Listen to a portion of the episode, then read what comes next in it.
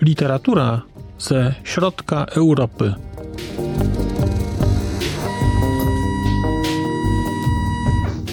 Podcast około książkowy.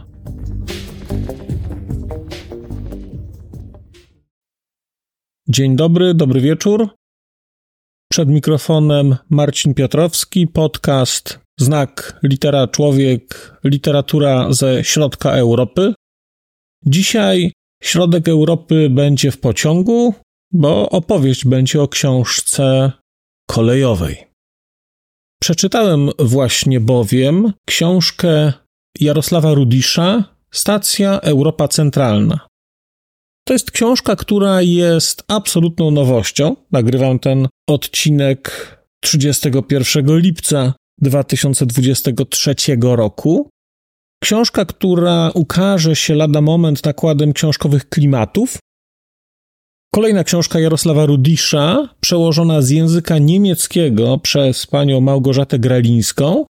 I książka, która stanowi z jednej strony uzupełnienie do innych książek Rudisza, z drugiej strony powiedziałbym, że w dużej mierze stanowi klucz do zrozumienia tych książek.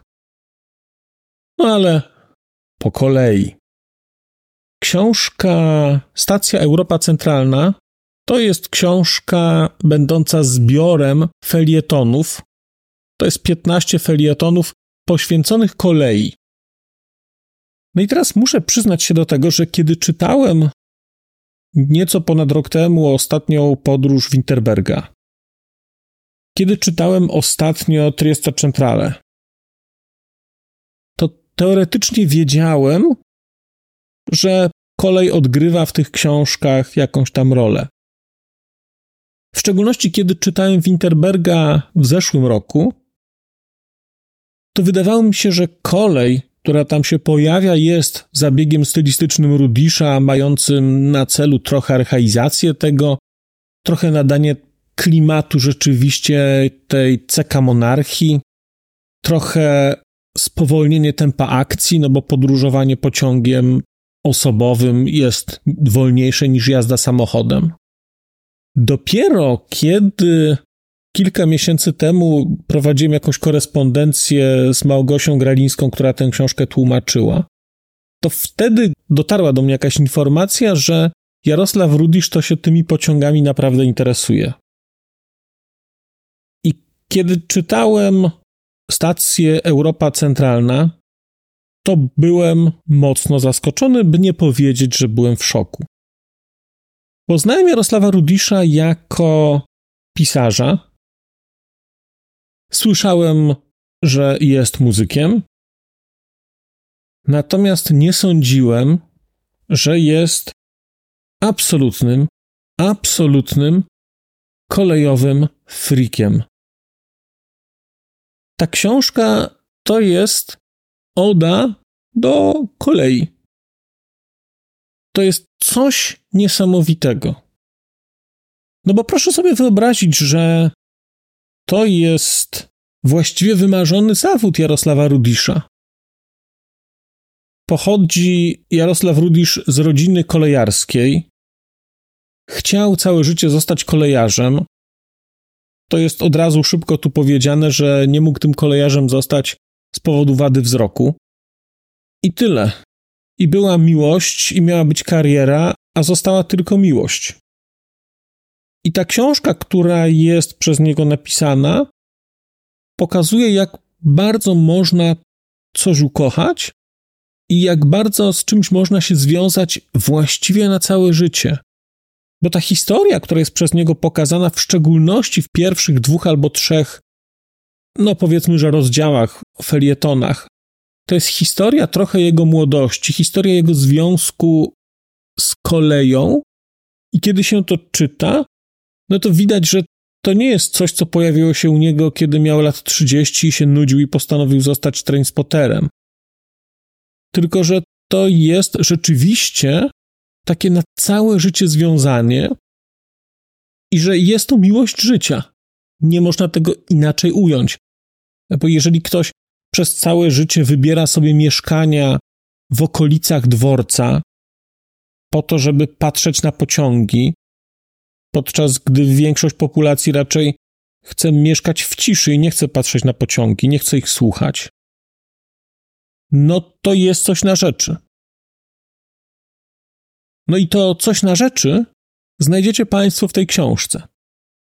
To są opowieści o przeróżnych aspektach takiego życia związanego z koleją. No bo są tutaj opowieści właśnie o dzieciństwie i takim wieku młodzieńczym. Bardzo różne to są opowieści. Są wspaniałe opowieści o kuchni w pociągach, o wagonach restauracyjnych, o ludziach, którzy w tych wagonach gotują, o ludziach, którzy się w tych wagonach stołują. Muszę przyznać, że rozczarował mnie tutaj Jarosław Rudisz, bo kiedy jeżdżę Warsem, to czasami mam ochotę coś zjeść i kiedy pójdę, to właśnie często spotykam tam gości, którzy siedzą przy jednej herbacie, blokują stoliki nie można uczciwie zjeść. A potem czytam, że znany pisarz pisze, że jest to sposób na tanie podróżowanie, bo się po prostu kupuje bilecik i się siada i się jedzie. No, panie Jarosławie, no naprawdę, no naprawdę, no nie godzi się. Nie godzi się, bo potem uczciwi ludzie nie mają jak zjeść, bo tam właśnie siedzą sztamgaści i po prostu herbatę piją, no, czy tam piwo. Przepięknie Jarosław Rudisz pisze o dworcach. Porównuje te dworce bardzo często do katedr, w szczególności te duże dworce. Dworzec wrocławski na przykład jest porównywany do katedry. Dworzec w Hamburgu też jest porównywalny do katedry. Bardzo pięknie pisze o tych dworcach, o tych dworcach dużych, o tych dworcach małych i przyznam, że w ogóle ta książka ma niesamowity walor taki edukacyjny również. Nie spodziewałem się tego, ale kiedy czytałem tę książkę, to właśnie tutaj uświadomiłem sobie, że stacja kolejowa, którą ja pamiętam w Nowym Sączu, ona teraz niestety przeszła kilka remontów, to znaczy niestety pod kątem takiej wartości historyczno-estetycznej, bo ona jest teraz wygodniejsza niż była.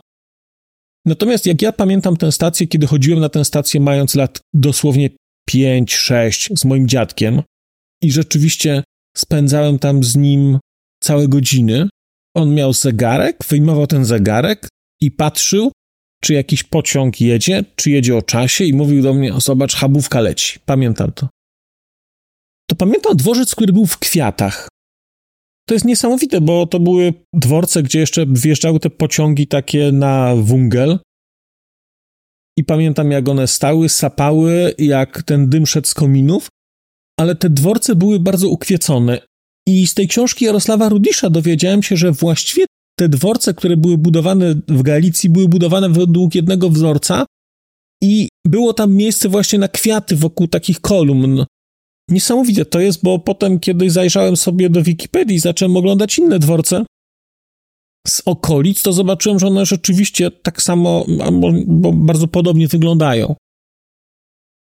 W ogóle ta książka to jest książka, którą jeżeli wkręcicie się Państwo nieco, to będziecie czytać jak te książki o designie różnego typu, gdzie coś jest opisane i właściwie więcej czasu spędzacie siedząc przed komputerem czy przy telefonie i szukając sobie tego, co jest tam opisane, a są opisane tak fascynujące rzeczy, bo to jest całkowicie inny świat i jeżeli się człowiek tym nie interesuje, to o tym nie wie, a potem zaczyna sprawdzać, no i się wsiąka.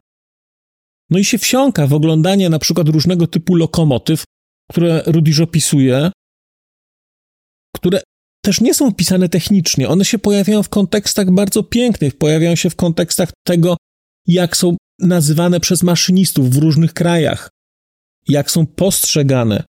No i to człowieka trochę fascynuje, więc zaczyna sprawdzać sobie, jak ta lokomotywa wyglądała, zaczyna czytać.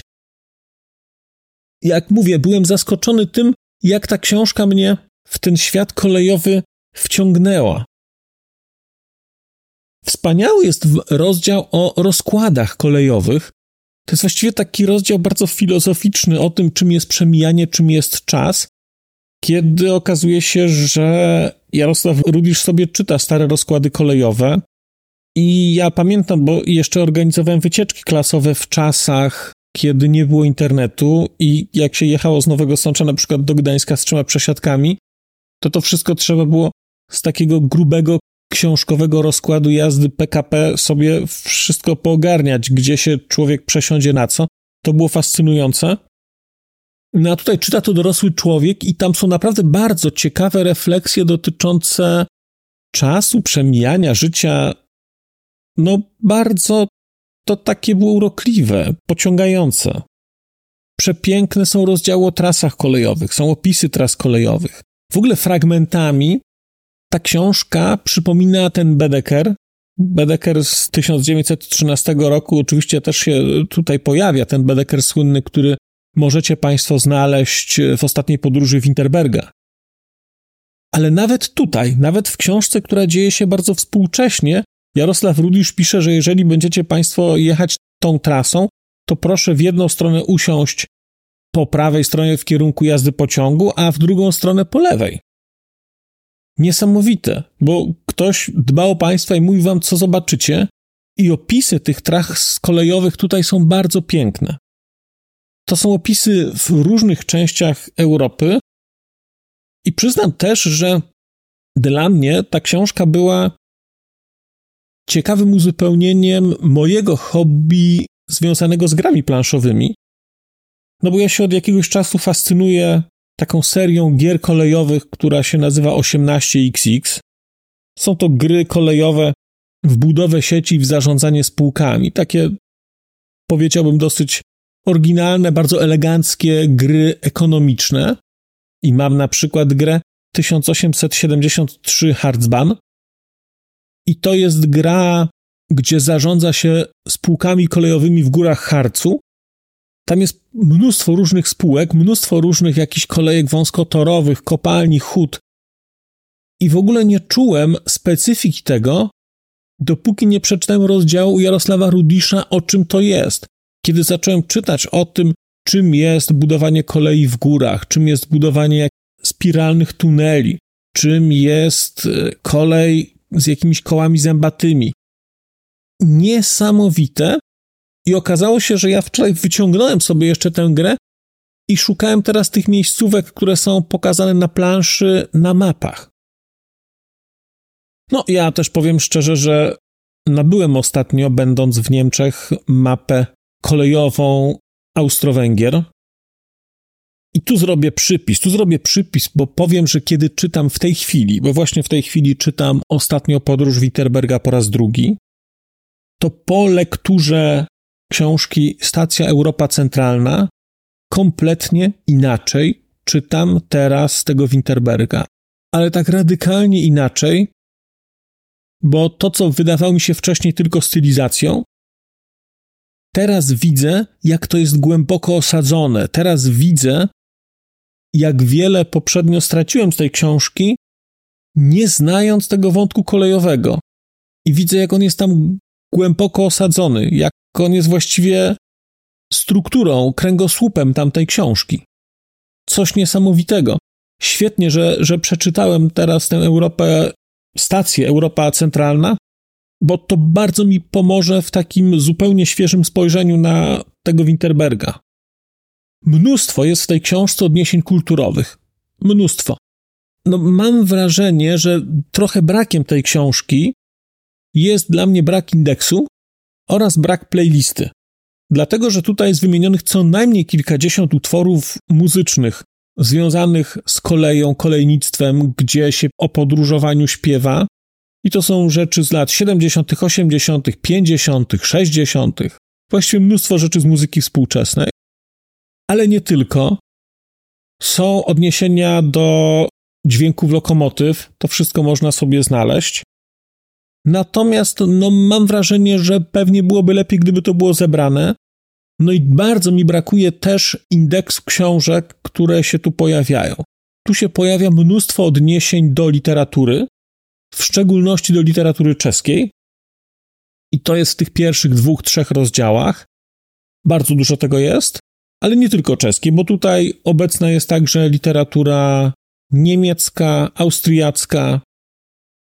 Trochę się pojawia też rzeczy z Polski, no bo pojawia się Andrzej Stasiuk, dużo tego. No i są jeszcze filmy oczywiście. I to nie jest tak, że znajdziecie Państwo jeden rozdział i sobie przeczytacie. Te wszystkie rzeczy pojawiają się bardzo, bardzo kontekstowo w momencie, kiedy jest to uzasadnione w narracji, kiedy jest to uzasadnione w tempie, kiedy jest to uzasadnione w jakimś sposobie mówienia czegoś. No świetne to jest zrobione, aczkolwiek sugeruję od razu wziąć sobie, jeżeli lubicie Państwo książki zgłębiać, to od razu sugeruję czytać z jakąś kartką, gdzie będziecie sobie rzeczy wypisywać, bo myślę, że będziecie wypisywać sporo, chociażby po to, żeby zobaczyć te rzeczy, o których Jarosław Rudisz pisze. W książce jest kilka zdjęć, natomiast sieć miłośników kolei jest tak duża i ci ludzie się tym dzielą, że historie, które tutaj są pokazane, bez problemu w większości znajdziecie Państwo chociażby na YouTubie. Filmy z różnego typu przejazdów, dźwięki lokomotyw. To wszystko jest. To wszystko jest i naprawdę można spędzić długie godziny trochę wchodząc w ten świat, ale wchodząc w ten świat nie od strony techniki, tylko od strony takiego bardzo ludzkiego spojrzenia. Całość tej książki przepełnia melancholia.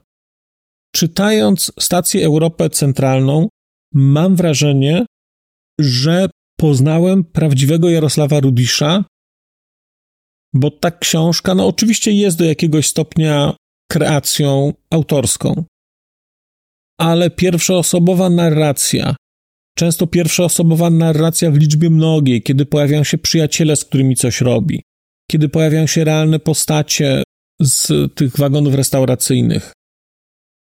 To buduje ogromną bliskość i dokłada prawdziwości temu wszystkiemu. I to jest książka, która rzeczywiście bardzo, bardzo mi przybliżyła postać pisarza. I wydaje mi się, że nie trzeba się fascynować koleją, żeby tę książkę czytać, żeby tę książkę docenić. To jest książka o melancholii, to jest książka o niespełnionej miłości. To jest niesamowite, jak bardzo można coś ukochać. Wydaje mi się, że miałem w życiu kilka pasji, ale żadna nie była taką pasją, która trwałaby przez całe życie. A czytając Jarosława Rudisza, widzę to, że można mieć pasję, która trwa całe życie i w sumie bardzo tego zazdroszczę. Takiej umiejętności pełnego zatopienia się w czymś oddania siebie, ukochania, miłości. Przepiękne, przepiękne. Jednocześnie ta książka pokazuje trochę Europę centralną jako pewien projekt polityczny, jako pewien projekt mentalnościowy. I mam wrażenie, że Polska jest tutaj obecna, ale tylko po części. Bo to, co się tu pojawia bardzo wyraźnie, to tutaj się pojawia taka trasa, która jest taką korową trasą Jarosława Rudisza Hamburg, Berlin, Praga, Wiedeń, Budapeszt. Stamtąd pojawia się jeszcze Triest, pojawiają się oczywiście też stacje w Polsce, Sanok, Wrocław. No natomiast to, co jest istotne, to to, że cała północna część Polski, tu się pojawia jeszcze Gdańsk jakoś, ale bardzo lekko. Widać, że tak naprawdę Mówimy tu o terenie byłego cesarstwa, czy byłej monarchii austro-węgierskiej. To jest kluczowa część tego. Mimo, że Jarosław Rudisz mieszka w Berlinie, no to właściwie te kraje, powiedzmy, niemieckojęzyczne dla niego są istotniejsze, główniejsze. One stanowią tę główną część Europy Centralnej. I widać tutaj jednak trochę peryferyjną rolę Polski w tym. I widać to, że my jednak do tej części środkowoeuropejskiej to ciąży tylko ta część południowa, ta część zaboru austriackiego, ta część galicyjska. To się zresztą dosyć mocno spina z książką Rudolfa Chmela, którą teraz czytam, Kompleks Słowacki, gdzie też jest mowa o tym, że tak naprawdę środkowoeuropejskość kończy się gdzieś nieco na północ od Krakowa, kończy się w miejscu, gdzie się kończy kultura chyba Strudla jabłkowego, tak się o tym pisze. I mam wrażenie, że w tej książce Rudisza bardzo to widać. Widać gdzieś tę północną granicę. Ona u Rudisza jest nieco zahaczona jeszcze o te kraje niemieckojęzyczne w postaci Niemiec.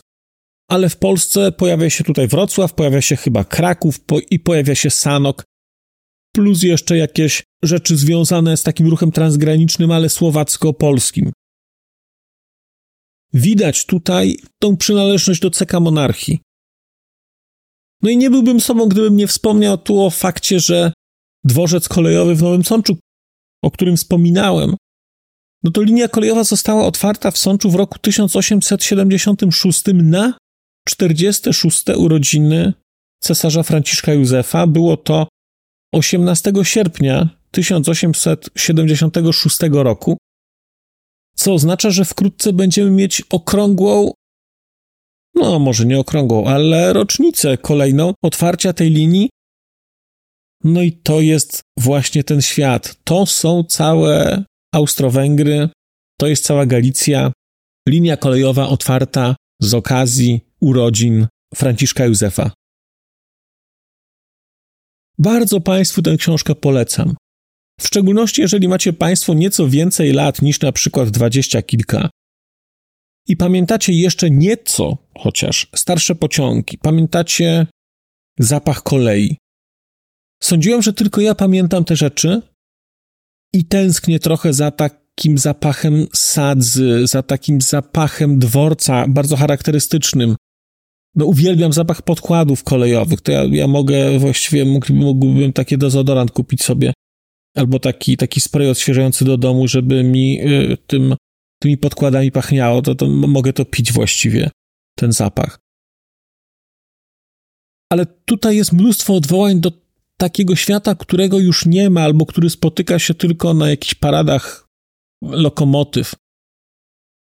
I ta książka jest mocno melancholijna, jednocześnie jest książką adresowaną absolutnie nie dla kolejarzy.